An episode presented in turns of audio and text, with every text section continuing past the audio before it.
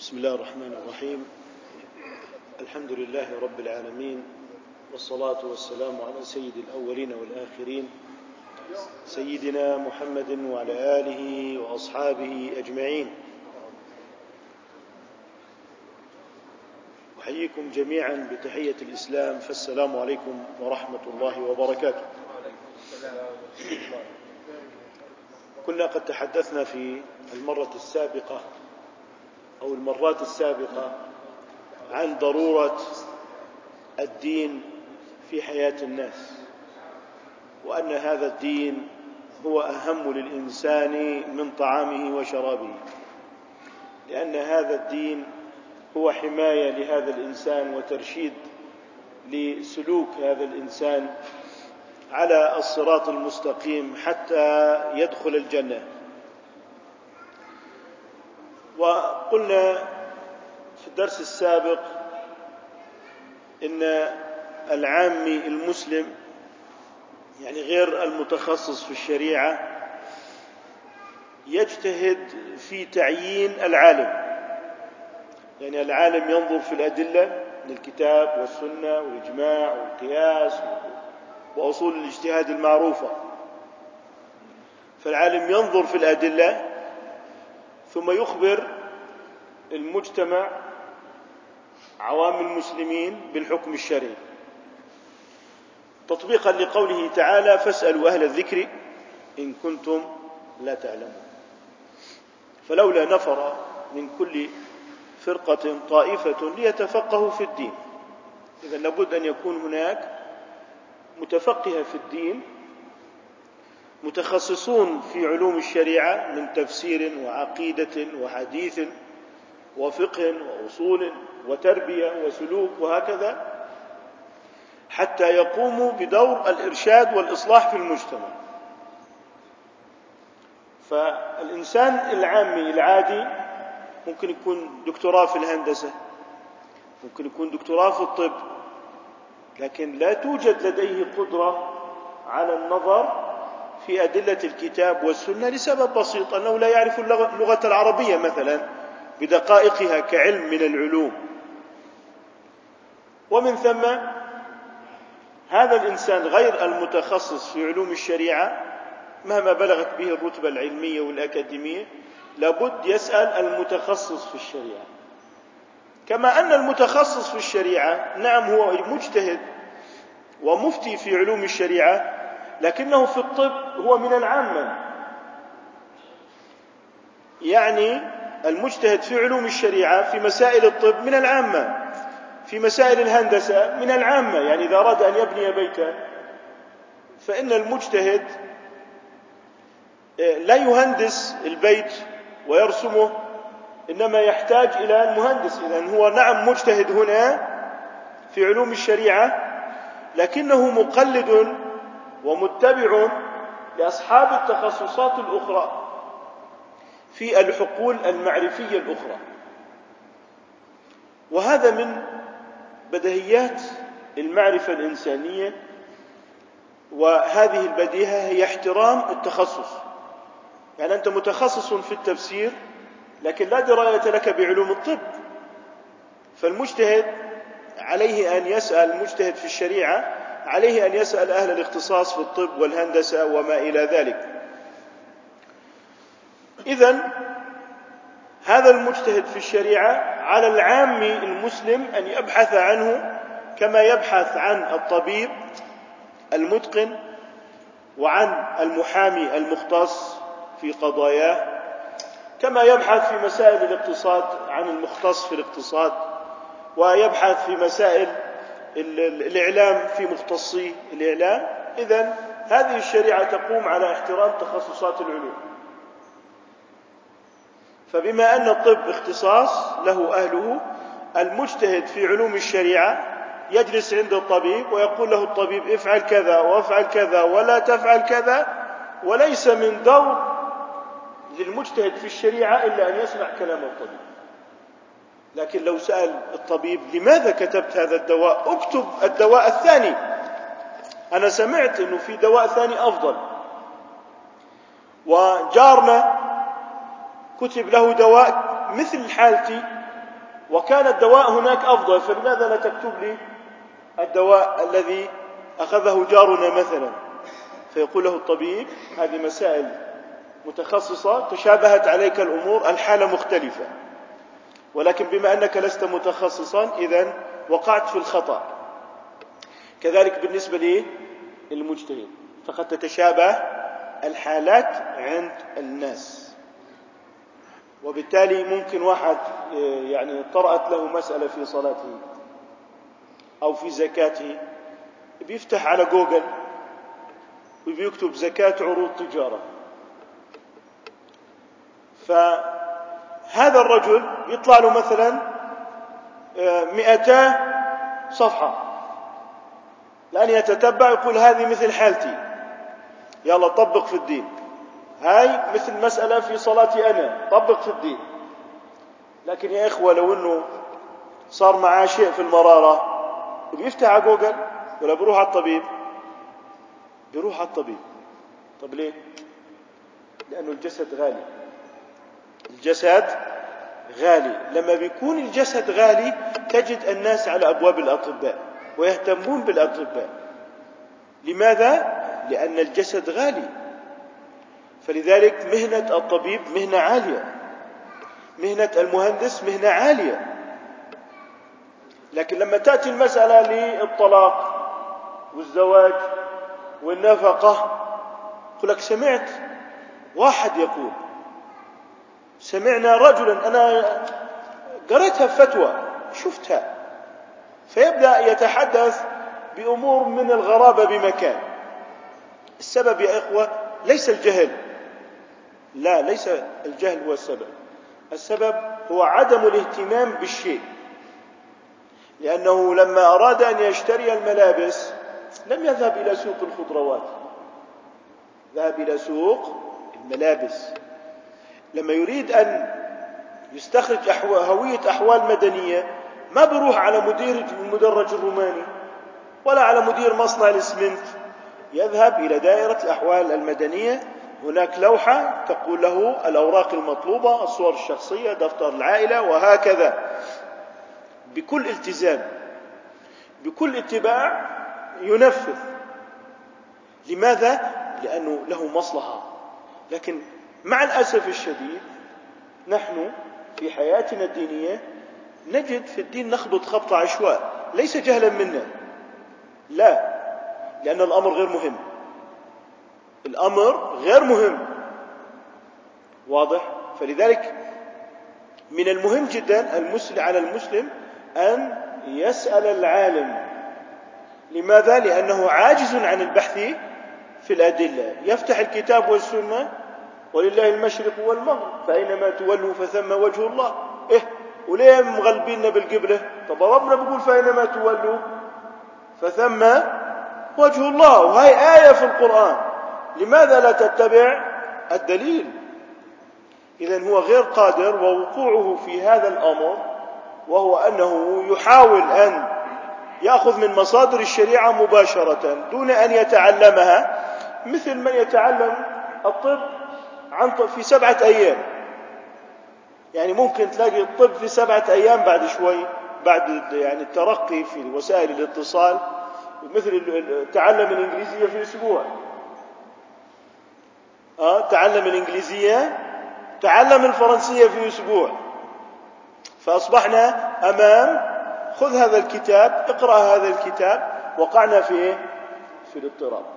لماذا؟ لأننا لم نحترم التخصص. فلذلك ستجدنا عندما نريد أن نبني بيتا نسأل عن أفضل مهندس. آه، عملية جراحية حتى لو كانت المرارة أو الزايدة أفضل طبيب وأفضل مستشفى. يجب أن يكون الدين أغلى عندنا من الجسد لأنه سبب لنجاة الجسد في الآخرة. لأنه سبب في نجاة الجسد في الآخرة والسعادة في الدنيا أيضا. والسعادة في الدنيا. هذا ما كنا قد تحدثنا عنه في المرة الماضية وهو أن العامي المسلم يجتهد في تعيين العالم يجتهد في تعيين العالم الذي يسأله في دينه. يعني أي واحد صاحب شركة تجد عنده مستشاران قانونيا. لماذا؟ لأن الخطأ هنا مكلف. الخطأ في كلمة مكلف الخطأ في شرط واحد مكلف.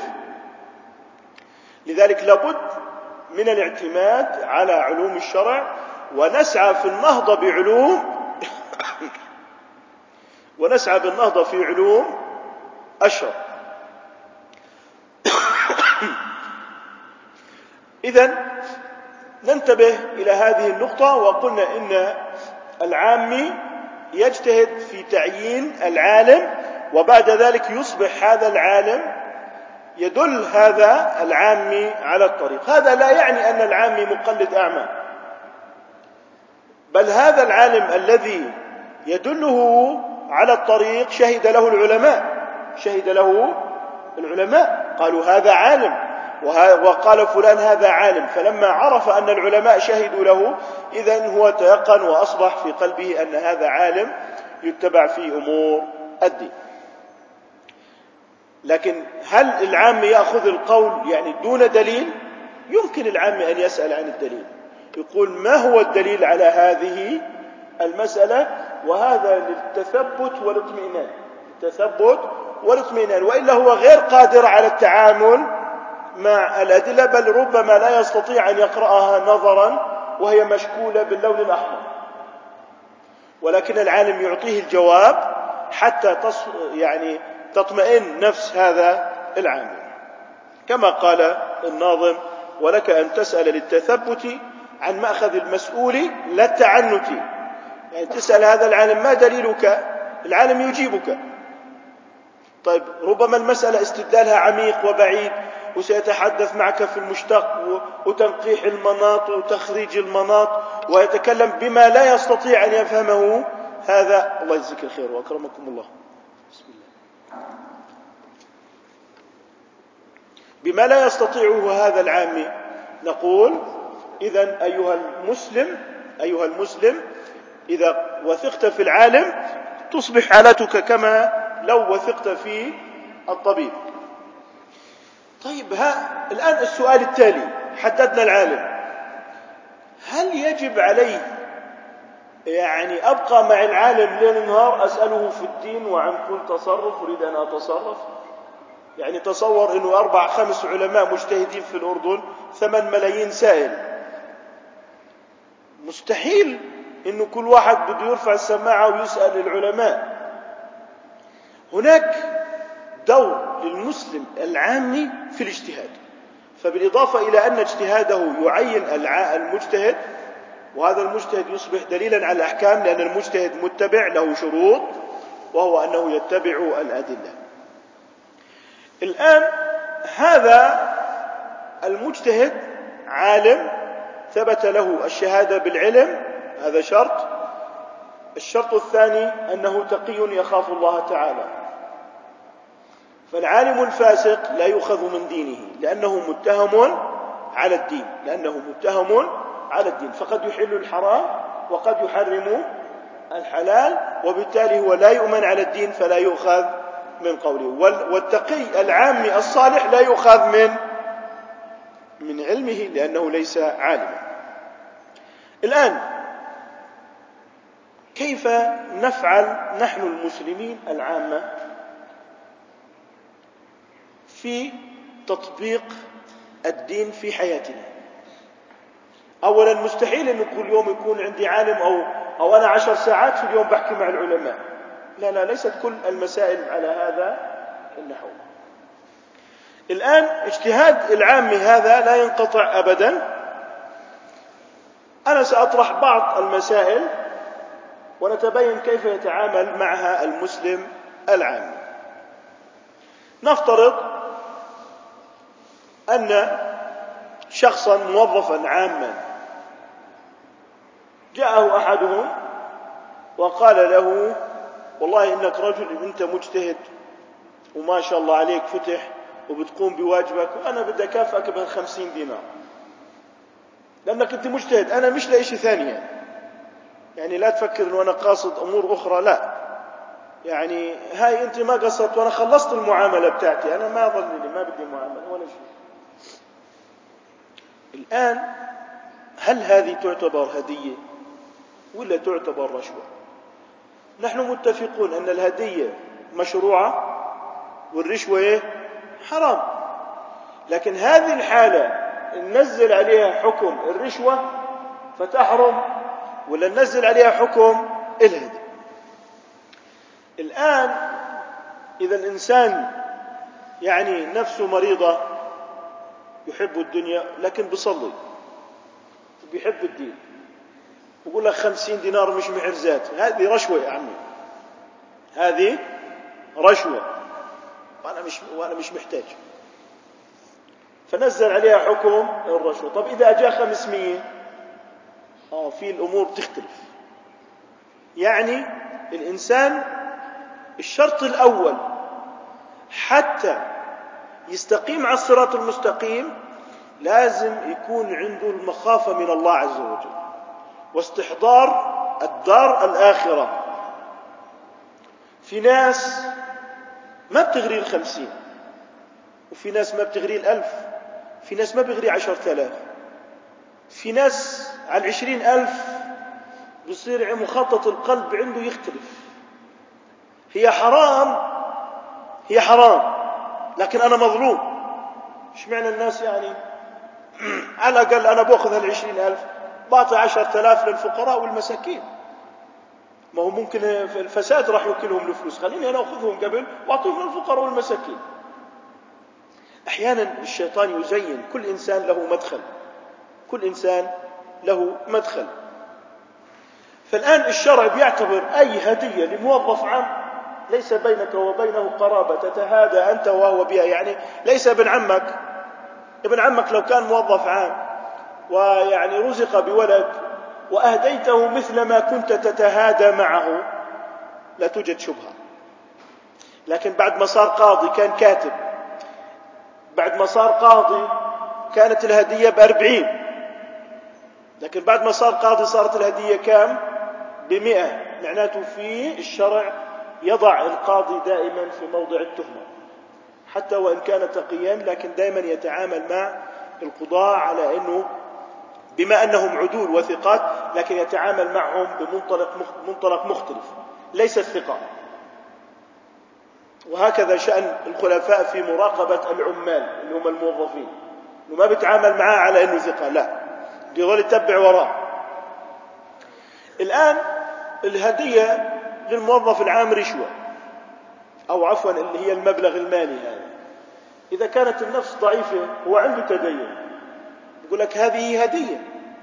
هذه هدية. والرسول صلى الله عليه وسلم قبل الهدية.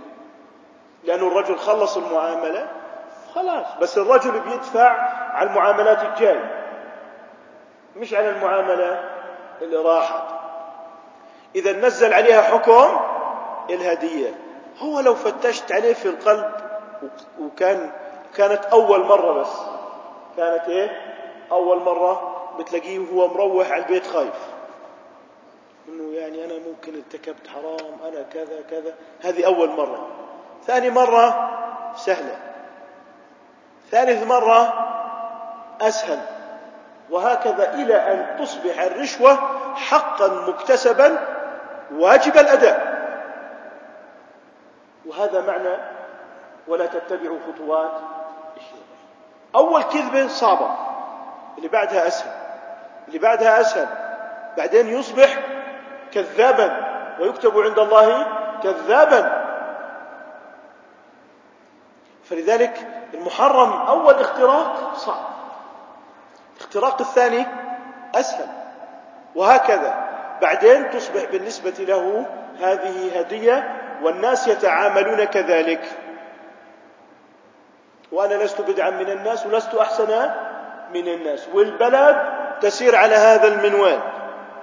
وبعدين يقول لك لم يعد أمين ولم يعد مع إنه ممكن زميله الذي بجواره فيه خير ولا يفعل ما يفعل. اذا هذا العامي اجتهد.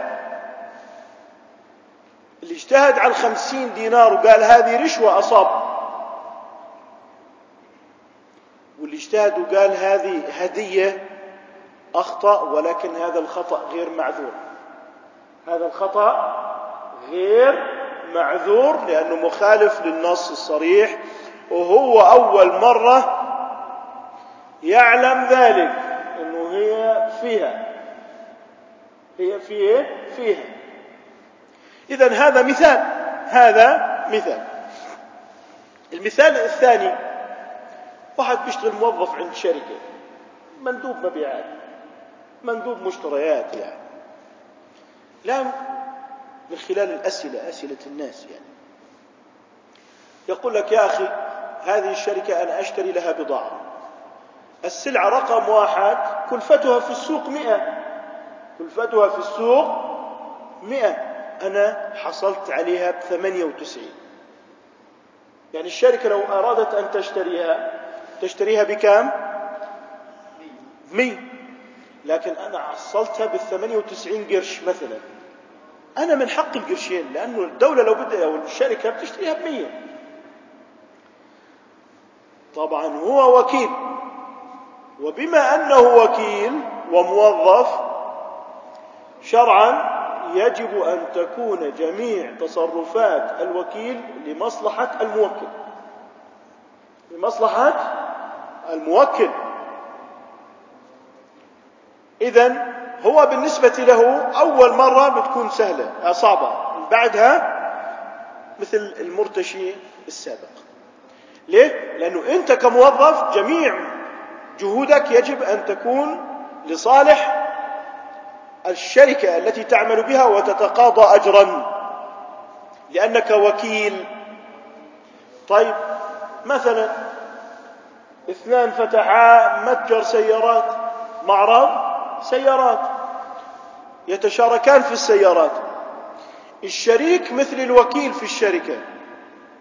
يجب أن تكون تصرفات هذا الوكيل والشريك لأنه وكيل وكفيل. الشريك هو وكيل وكفيل.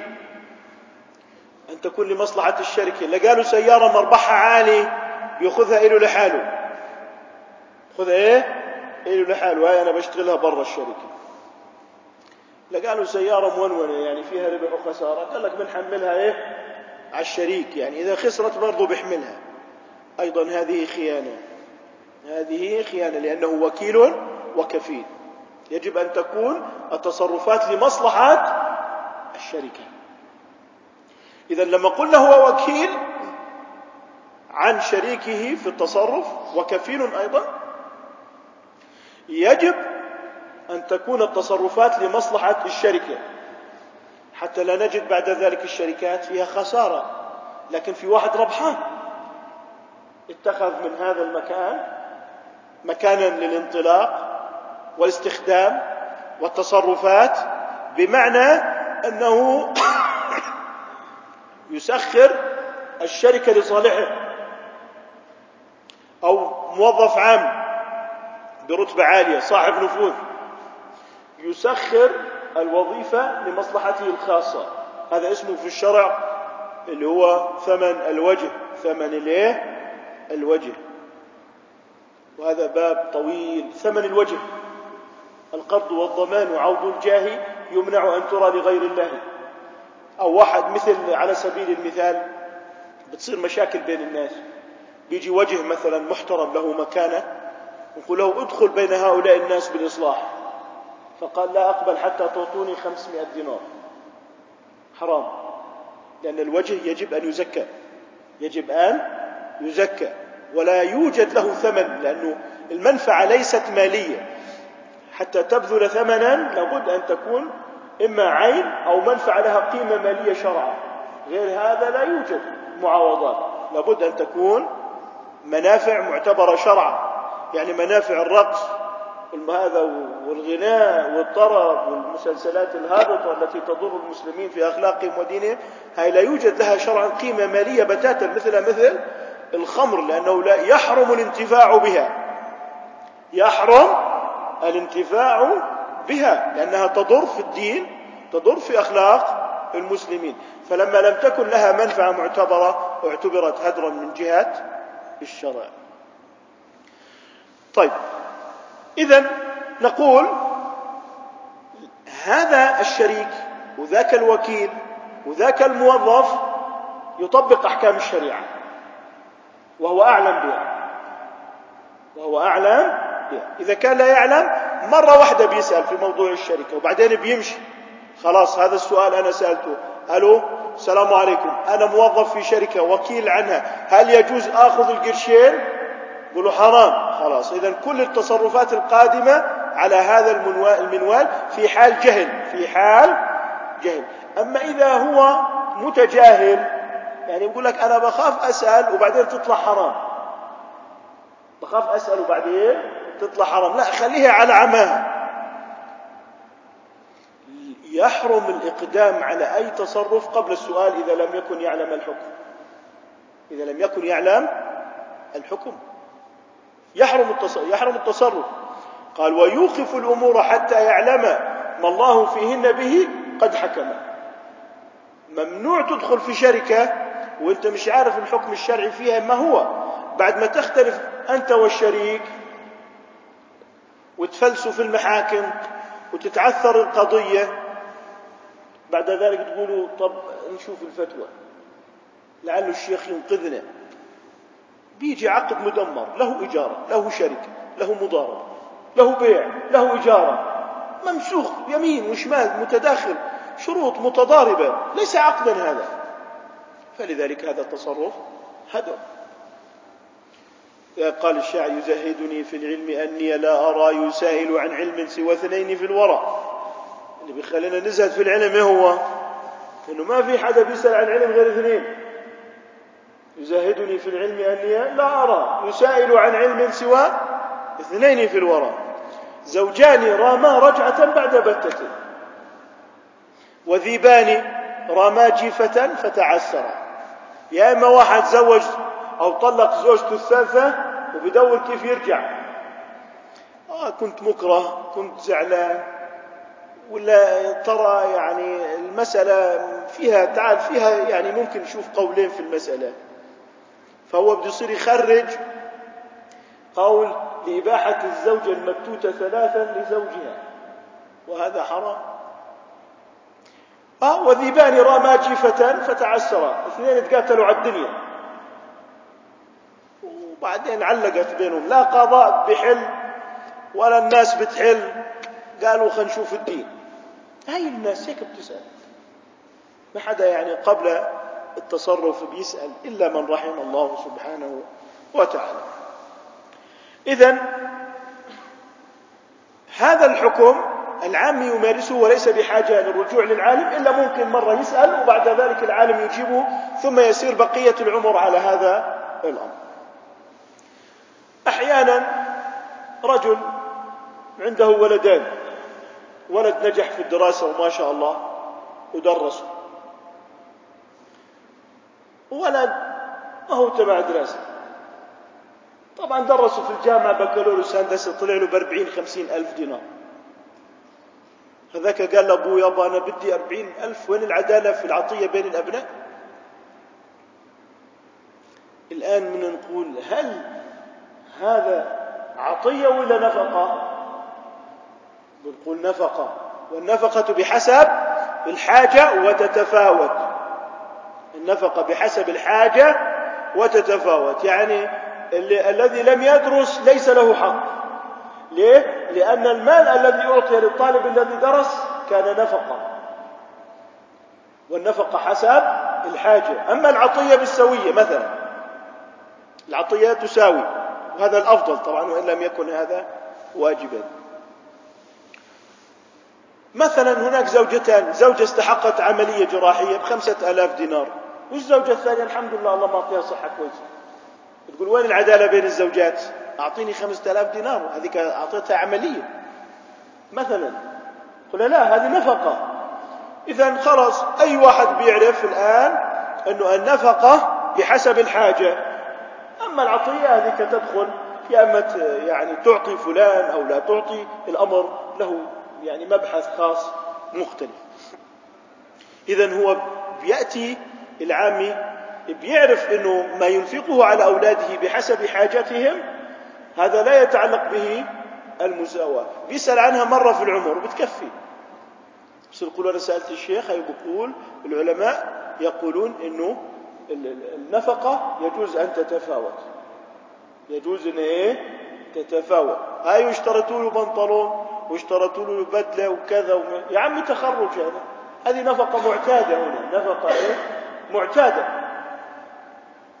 أنت لما بتصير عندك دراسة وكذا نعمل لك بكرة أنت ممكن أبوك يعني برضو يعني تحتاج إلى نفقة مرض لا قدر الله سيساعدك أبوك ويعطيك أو سينفق عليك وجوبا ليست مساعدة إذا كان يعني في حدود أو من تجب له النفقة.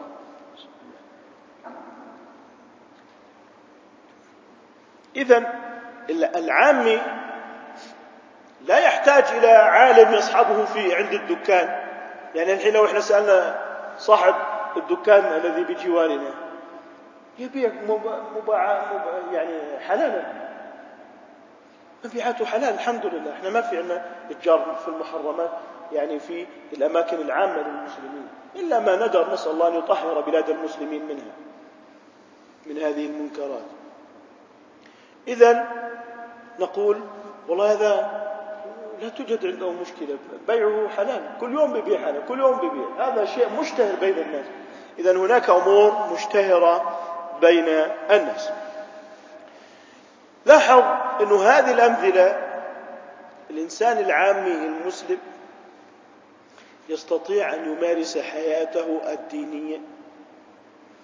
ليس استقلالا تاما منه. يعني بشكل كبير معتمد على نفسه. بشكل كبير. يعني واحد يروح يعقد عقد زواج في المحكمة.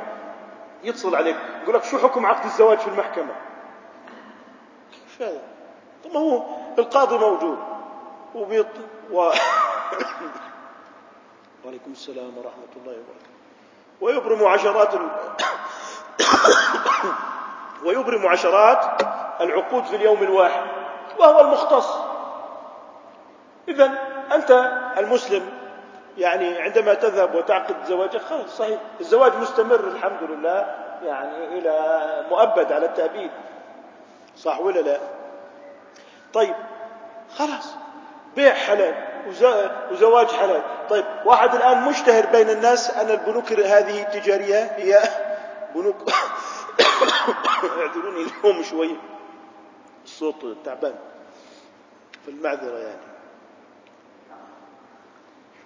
لم أحب أن أعتذر يعني. طيب إذا في واحد ما بيعرف أن البنوك التجارية حرام؟ مشتهر بين الناس. طيب الخمر والمخدرات مشتهرة بين الناس أنها حرام. الغيبة والنميمة مشتهرة بين الناس أنها حرام. الكذب الغش في التجارة. يعني الجماعة بيعرف بيعرف. يعني بتروح أنت مثلا بدك تصلح السيارة عند أحدهم ونحن يعني نحسن الظن بكافة المسلمين بجميع المسلمين لكن هناك حالات موجودة وإن شاء الله أنها تكون فردية وشاذة. عليكم السلام ورحمة الله. تصليح السيارة. بيكون متفق الميكانيكي مثلا مع بياع القطع. الزبون اللي أنا بجيب لك إياه إلي عليه نسبة. لما أنت تحط السيارة عند الميكانيكي وهو أراد أن يشتري أنت بتدفع له أجرة إصلاح والاتفاق اللي بينك وبينه أجرة على الإصلاح وليس عمولة على القطع وهو لا يمكن يسألك يقول لك ترى عمولة القطع خمسة في المية ما بقول لك شيء وإذا رحت أنت وياه على تبع القطاع بتحس إنه بوقف وراك مشان يعطي إشارات إنه ليه؟ لأنه يغفل عن مين؟ عن صاحب السيارة فهو بيعرف إنه حرام. يعني الكبائر التي يقع فيها المسلمون اليوم معروفة ومشتهرة أنها حرام. فلذلك هو وكيل هو وكيل عن هو وكيل عن صاحب السيارة. لا يجوز أن يستربح في القطع من وراء صاحب السيارة. خذ أجرة إصلاح حسب المتفق عليه. هذا يحدث في مجتمعاتنا. مع الأسف الشديد إنه يعني لا يتصرف المسلم حسب ما يرضيه عند ربه. طب إذا هو راح بده يصل بده يروح على الطبيب بيرضى إنه الطبيب لا قدر الله. يكون يأخذ عمولة من دكتور الأشعة. يحصل. إن شاء الله يكون قليل. إنه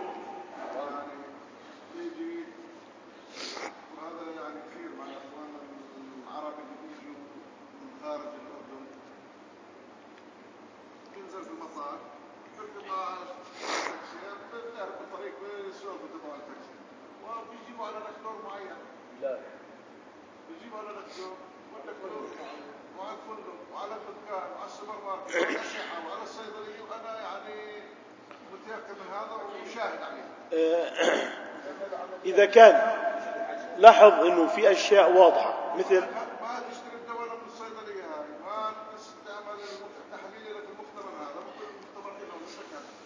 آه الآن هيك أفضل آه. بعدناها بعدناها آه الحقيقة في موضوع الطب الميكانيك الصناعات المختلفة. بدنا نعرف إنه هذا الشخص اللي معك هو مؤتمن ولا غير مؤتمن؟ يعني أنا طبيب. في عندي شركة أدوية بتعطيني ثلاث أيام رحلة آه، سياحية في مكان كذا. هذا الدواء جيد وليس مضرا. وفي عندي دواء ثاني بنفس الكفاءة. بنفس الكفاءة. أنا مؤتمن لا يجوز لي أن أتكسب من هذا الموقع. ولا ي... وأنت وأنا إذا ذهبنا للطبيب وعلمنا أن الطبيب يفعل ذلك نفقد الثقة بالطبيب.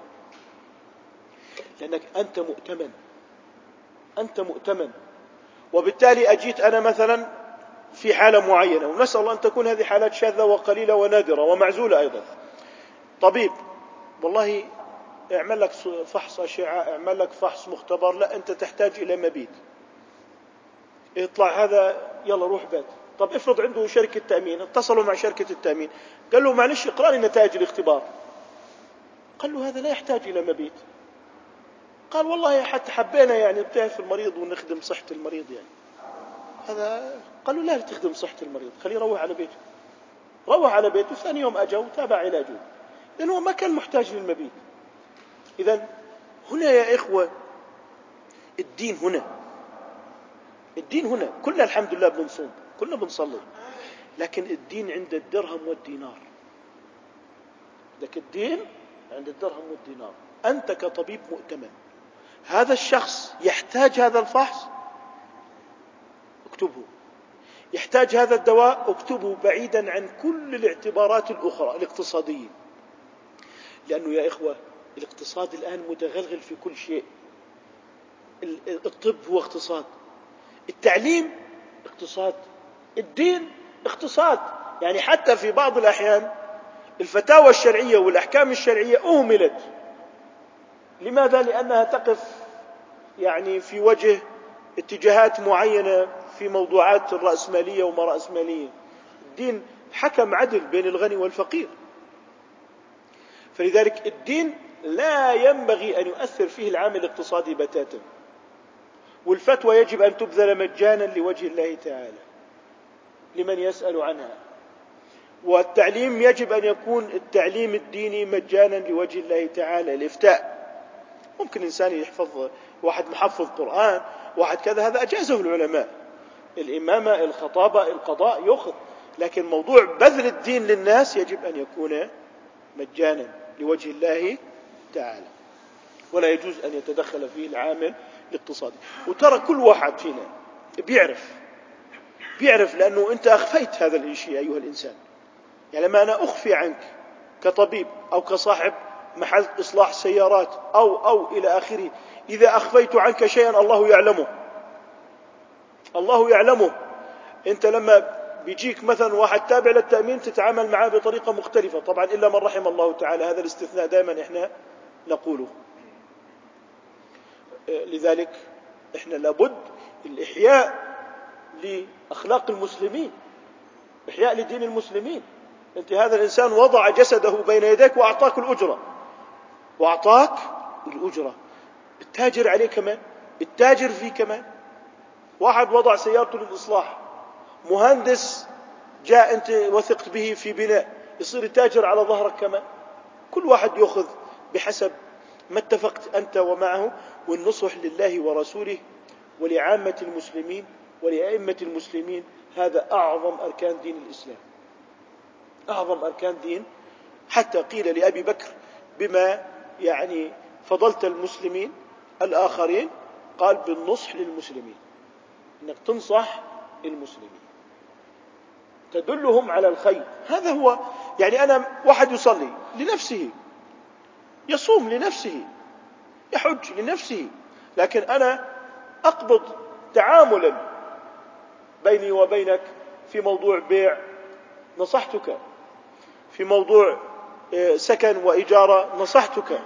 فلو كان الصنايعي ينصح لا خذ السلعة الفلانية هاي أفضل. لا هو هو لأنه أربح له لكن هذيك الأفضل اللي أنت تركتها. لذلك هو ما نصح لله ورسوله. لذلك في مال حرام في المجتمع والمال الحرام سيذهب. لذلك من أراد أن يحصن ماله فليحصنه بتقوى الله عز وجل. وإلا ستستهلكه الموبقات. فلذلك من أرقى العبادات ومن أعظمها في هذا الزمان اللقمة الحلال. اللقمة الحلال. من أراد أن يعبد الله عبادات نادرة في هذا العصر فليعبد الله عز وجل باللقمة الحلال. لا يأكل إلا حلالا. هاي هنا الامتحان. يعني الحمد لله المسلمين بيصلوا تعالى يوم الجمعة المسجد مليء. فيهم الصنايعي وفيهم الطبيب وفيهم المهندس وفيهم من الصالحين كل الفئات. وفيهم أيضا من الآخرين أيضا من كل الفئات. فاللي يصلح نيته ويخلص لله عز وجل هذا يوفق. ويهدى إلى صراط مستقيم. ولا تفكر بعقلك وبشطارتك إنك ممكن أن تصبح على الصراط المستقيم. لقوله تعالى وما كنا لنهتدي لولا أن هدانا الله. يعني في شيء غير الحلال والحرام التوفيق. التوفيق الإلهي من الله عز وجل بما قدمت من إخلاص في القلب. يا إخوة الصحابة فتحوا العالم في أقل من خمسين عاما. ليست القضية اليرموك والقادسية لا لا. كان في فتح أعظم. دخول الناس في دين الله أفواجا. الناس دخلوا في دين الله ليس لبطولات اليرموك. دخلوا لأن هؤلاء الناس الذين رأوهم لم يروا مثلهم من قبل. لم يروا مثلهم من قبل. هؤلاء الناس خرجوا ليموتوا ليس من أجل ذهب الناس ولا للهيمنة ولا للسلطة. إنما خرجوا لقصد إرضاء الله عز وجل ولا يسألون من يسأل ولا يسألون الناس أموالهم. هذه هي التي فتحت قلوب البشر أن هؤلاء الناس صادقون. صادقون. ذلك الصدق مع الله سبحانه وتعالى. الصدق في القول الصدق في المعاملة الوفاء في المعاملة. فلذلك الصحابة رضي الله تعالى عنهم فتحوا العالم بقلوبهم قبل أن ينتصروا بسيوفهم. قلوبهم هي التي فتحت قلوب البشر. يعني الصحابة لما حدثت الفتنة كانت المدن التي فتحوها تواكب الفتح من جديد. انكفأوا على الفتنة الداخلية التي أثارها ابن سبأ اليهودي بين المسلمين. المدن المفتوحة ارتدت ارتدت المدن المفتوحة ولا مدينة ارتدت ولا بلد بل كان أبناء البلد المفتوح يحملون الراية من الصحابة ويكملون المسيرة. لأن القضية ليست قضية غنائم ولا خمس ولا فلوس ولا سلطان. كانوا وهم في, في, في الأمارة يعيشون في حياة الفقراء. أبو عبيدة رضي الله تعالى عنه يدخل عليه عمر في جبته المرقعة عمر أمير المؤمنين في جبته المرقعة يدخل على أبي عبيدة في خيمته. فلا يجد فيها إلا سيفه ووعاء يشرب فيه. وكيس كيس معلق في الخيمة فيه خبز فيه إيه؟ خبز. ماذا قال له عمر؟ كلنا غيرتنا الدنيا إلا أنت يا أبا عبيدة. هي مش ليس العامل الاقتصادي هو المحرك. إحنا دائما فتش عن العامل الاقتصادي. المحرك الأول والمؤثر والمحدد في حركة الشعوب الإسلامية هو العامل الاقتصادي. العامل الاقتصادي. ما حد بيزعل مع جاره لأنه ما بيصلي. ما حد ما بيزعل مع ابنه لأنه ابنه ما بيزكي. ما حد بيزعل مع هذاك لأنه طلع سيارة بالربا. حد بيزعل من واحد بسبب هذه الأمور. ما بيزعلوا من بعض لكن إذا ما دفعش الإيجار بيزعلوا. إذا ما أعطاه الفلوس اللي عليه بيزعلوا. إذا دخل عليه نص متر في الأرض بيزعل. فالغضب للدنيا. ما في آه، يعني شيء من الاهتمام والتعظيم لأمور الآخرة. مثال آخر على موضوع تحقيق المناط. هذا إحنا كله بنسميه تحقيق المناط. يعني الحكم أنه للولد هذه الأموال الجامعية نفقة يعني يتنزل على الأموال التي دفعها الأب حكم النفقة. هيك معناها واضح؟ يتنزل على الهدية التي أخذها ذاك الرجل أو المال الذي أخذه الرشوة. هذا اسمه تحقيق مناط في الشريعة. يعني كأنه في مفتاح اللي هو الحكم الشرعي وبدك تبحث عن القفل الحقيقي. واضح؟ فأنت بتيجي مفتاح الرشوة فتح الخمسين دينار. إذا هي رشوة. حطينا فيها مفتاح الهدية ما فتح. حطينا فيها مفتاح الهدية إيه؟ ما ما فتح. نفقة التدريس للولد حطينا عليها يعني مفتاح العطية والهدية ما فتح. اللي فتح هو مفتاح إيه؟ النفقة. إذا يجوز فيها التفاوت وهكذا.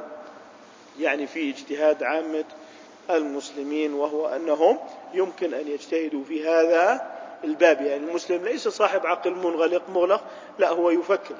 يعني هو ليس بحاجة بيعرف أنه ستغرب الشمس الساعة مثلا السابعة والنصف وخمس دقائق. واضح؟ وما وكان في مسافر على الطريق وغابت الشمس.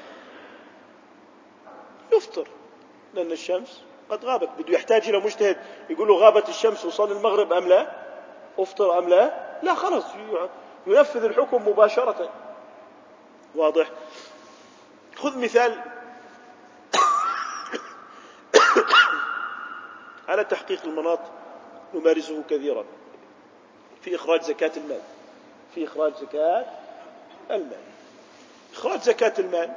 ما منا واحد بيسأل ما بيرفع السماعة على دائرة الإفتاء بيقول لهم والله ابن عمي أعطيه الزكاة ولا ما أعطيه؟ يقولوا ماله ابن عمك؟ يقولوا فقير ولا يعني عنده سيارة. أعطيه؟ يقولوا ما له دخل عنده سيارة. يقولوا شوف ابن عمك. عنده حاجات أساسية غير ملباة وما عنده الكفاية أعطيه. وهي ما بدها سؤال. فلذلك إحنا بنتداول الأمر في أمور الزكاة. بنصير نقول فلان نعطيه الزكاه أهل الزكاة يعني. بيجلسون ويتداولون. يقول لك والله فلان كنا نعطيه الزكاه والحمد لله هي أخذ وظيفة. وابنه صار بيشتغل ما شاء الله عليه. ويعني قاعدين في بيتهم. وأمورهم مستورة وماشي الأمور تمام. أما فلان مسكين مكسور عليه اجار الدار. ما هو قادر يدفع صار له أربع خمسة أشهر. مكسور عليه اجار الدار اذا هو فقير أعطوه. لاحظ إنه هذا إحنا هل إحنا نتصل على المفتي نقول له ابن عمنا فلان نعطيه ولا ما نعطيه؟ لا أنت من عندك بتعرف إنه فقير أو لا، فلان نعطيه يقول لك يا عمي معاه تلفون 500 دينار حقه. أنا المزكي تلفوني حقه 50 دينار. اذا هذا مبذر. هذا مبذر يعني إذا بدي أعطيه إياهم راح يبدل التلفون أبو 500 الحين ويروح يجيب واحد أبو 700. وأبو الخمسمية يبيعوا ب 300 لا لا تعطوا اذا المبذر لا يعطى من الزكاة حتى يقلع عن التبذير لأنه سيضيع الماء لاحظوا بنجد أنه إحنا بنمارس هذا الأمر ولم نكن محتاجين إلى الفقيه والمجتهد لأنه هذا شيء يعرف ببساطة في حياة المسلم أن الزكاة للفقير. والله فلان هي انقطعوا عليه الكهرباء والله ما عنده ما عنده ما عنده يدفع الكهرباء. وعنده مسكين ابنه هيو أخذه على الدكتور وقال له دواء وهي ما عنده قدرة يشتري الدواء. خلاص أعطيه. واضح؟ معنى ذلك أنه لا يوجد يعني عالم مثل القرين لك أيها المسلم. واقف معك يقول لك هاي حلال وهي حرام. لا. في جزء من المسائل بدك ترجع فيها للعالم مثل مثلا وكيل الشركة آه ممكن بدها سؤال. مثل الشريكين بدها سؤال. لكن مثل الفقر مثل الفقر لا. واضحة إنك أنت تحدد الفقير بحسب ما تعتقد أنه فقير. بحسب ما تعتقد أنه فقير. ولذلك الآن مثلا في إحصائيات سابقة في الأردن كان مستوى خط الفقر في الأردن حوالي 815 دينار شهري لعائلة من ستة أفراد. حوالي يعني لازم يكون دخل العائلة 815 دينار. آه في كثير يا والله يا سيدي. يعني خط الفقر خطير. خط الفقر فك ف يعني ف يعني خطير جدا وهذا يعني يوجب علينا في كل مجلس نتحدث عن الزكاة ليعلم أصحاب المال أن في رقابهم حقوقا وعليهم أن يؤدوها وهذه حقوق. وهذه حقوق. وليست منه من المزكي. وليست منا من المزكي. بل هي حق للفقير والمستفيد الأول منها هو المزكي. يعني واحد عنده مليون. كم يطلع الزكاة؟ خمسة وعشرين ألف دينار. خمسة وعشرين ألف. الخمسة وعشرين ألف دينار لواحد عنده مليون ما بيأثروا عليه. وبالنسبة له مشبع أحسن سيارة أحسن بيت أحسن ملابس. يعني لو صار عنده كمان مليونين وين بده يروح؟ فلوس كثيرة. مش راح يأكل أكثر من فوقية لحم. يعني مش راح يصير بطنه قد بطن الجمل لأنه عنده مليونين. في النهاية يعني مستوى المتع بده يكون ارتفاعه قليل جدا. وبالإضافة إلى أنه عنده كوليسترول وعنده دهون ثلاثية وعنده عضلة القلب أبصر شو مالها وعنده وعنده وعنده وعنده فلوس كثير كمان. أنت لما تعطي هذا الفقير المسكين أنت كسبان أيها الغني. أولا أنت بالنسبة لك الدينار والعشرة آلاف لا تساوي شيئا ولا قيمة لها لكن في أسرة أخرى في أسرة أخرى الدينار ينقذ حياة إنسان. الدينار ينقذ حياة إنسان لأنه سيشتري فيه طعاما. في إحصائيات سابقة عندنا في الأردن تقريبا توجد في وأنا أتكلم عن إحصائيات سابقة الآن الأرقام متوقع أنها في ازدياد. 25 ألف أسرة تعاني من الفقر المدقع. ما معنى الفقر المدقع؟ فقر غذاء. ما حكينا عن تلفونه والاتصالات وحاجة التنقل وما حكينا عن حاجة الملابس وما كان ما حكينا عن حاجة العلاج لا. فقر مدقع يعني أنه لا يجد غذاء كافيا. لا يجد غذاء كافيا. خمسة وعشرين ألف أسرة تضربهم بستة. اللي هو معدل أفراد الأسرة يعني عندك مية وخمسين ألف إنسان. بفقر غذائي. وترفع إيديك يوم الجمعة مغلب حالك ليه؟ ما بيجيبك. لأنه في حق بدك تطلعه.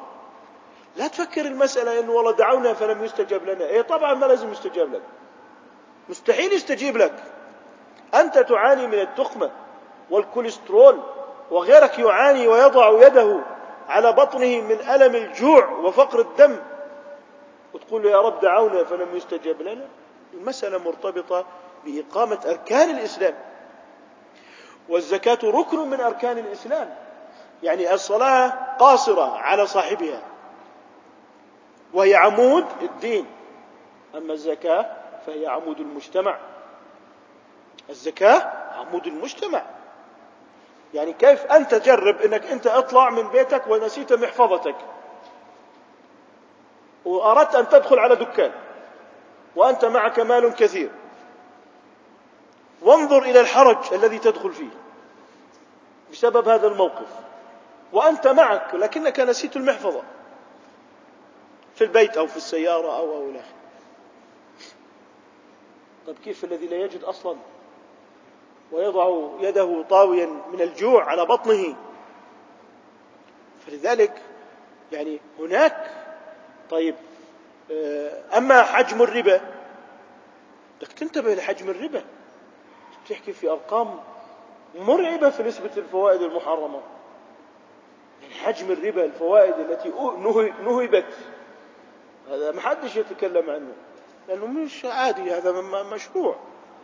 هذا ربا. هذا حرب على الله ورسوله. أنت لا تدرك خطورة هذا. تقول بعد ذلك دعونا فلم يستجب لنا. يعني أنت كاين تنتظر الإجابة؟ أنت كاين تنتظر الإجابة؟ وربنا بده ينزل النصر على فلان وزيد وعبيد اللي بيطلعوا الزكاة ولا بده ينزل النصر على مجتمع؟ يكون المجتمع تأهل في استحقاقات. في استحقاقات يا إخوة. لازم نقوم فيها. القطيعة. قطيعة الوالدين. القطيعة بين الإخوة. هذا لا يمكن. لابد. نصرة الضعفاء نصرة المساكين. هؤلاء يعني المرضى. هناك من المرضى من لا يستطيع أن يقف باب عيادة. ويعاني وإذا أراد أن يقف باب عيادة ربما بالاقتراب أو يعني بإهدار ماء الوجه. فلذلك عندما نقول أنه العامي المسلم عنده مستوى من الفكر والنظر في أمور الدين لكن هذا لا ينفي مرجعية العالم الذي يستفتيه في أمور دينه. لكن هو إنسان كلفه الشرع بيعرف أنه نفقة الزوجة واجبة. ما حد بيرفع التلفون على المفتي بيقول له شنو حكم نفقة زوجتي وأولادي؟ لا هي واجبة وأنت تعلم ذلك. إذا كثير من أحكام الشريعة هي واضحة للناس وبينة. هناك مسائل لابد أن يسأل عنها. خذ على سبيل المثال. آه، نقول عمليات ربط المعدة. مشتهرة هذه الأيام.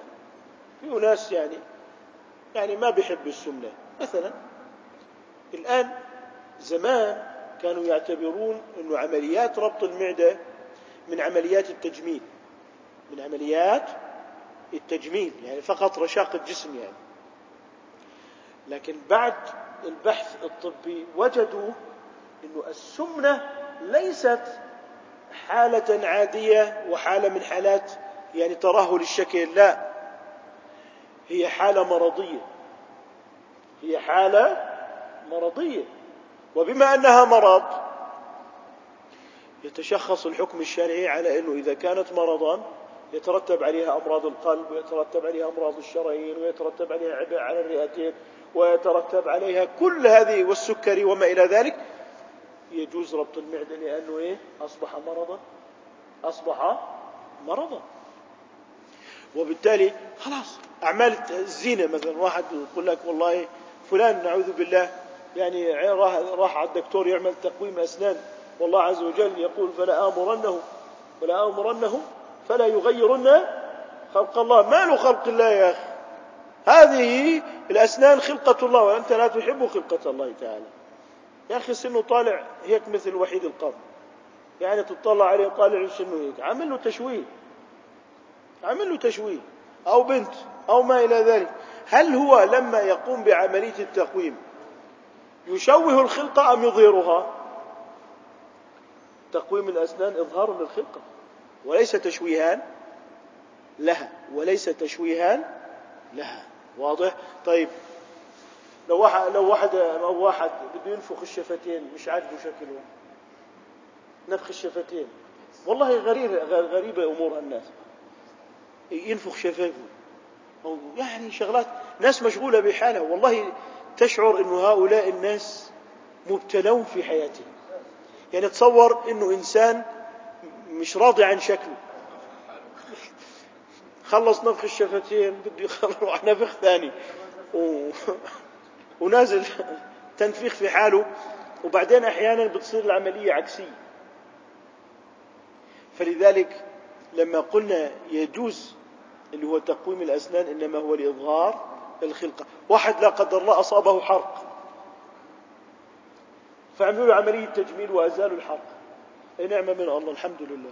أظهرنا خلقة الله عز وجل. أظهرنا الخلقة. نحن لم نغير في الخلقة. لكن لو واحد مثلا مش راضي عيونه عسلي بده اياهم زرق مثلا كل شوي مركب لك عدس مرة تلاقيه أخضر مرة تلاقيه أحمر مرة تلاقيه أزرق بعدين تنسى شكله. تصير تقول هذا فلان ولا ما هو فلان. شكله اليوم شعره كذا ولبسه كذا. فأصبح الإنسان متبدل حتى نسي الشخصية الأصلية اللي هو كان عليها. فأصبح إنسانا متعثرا.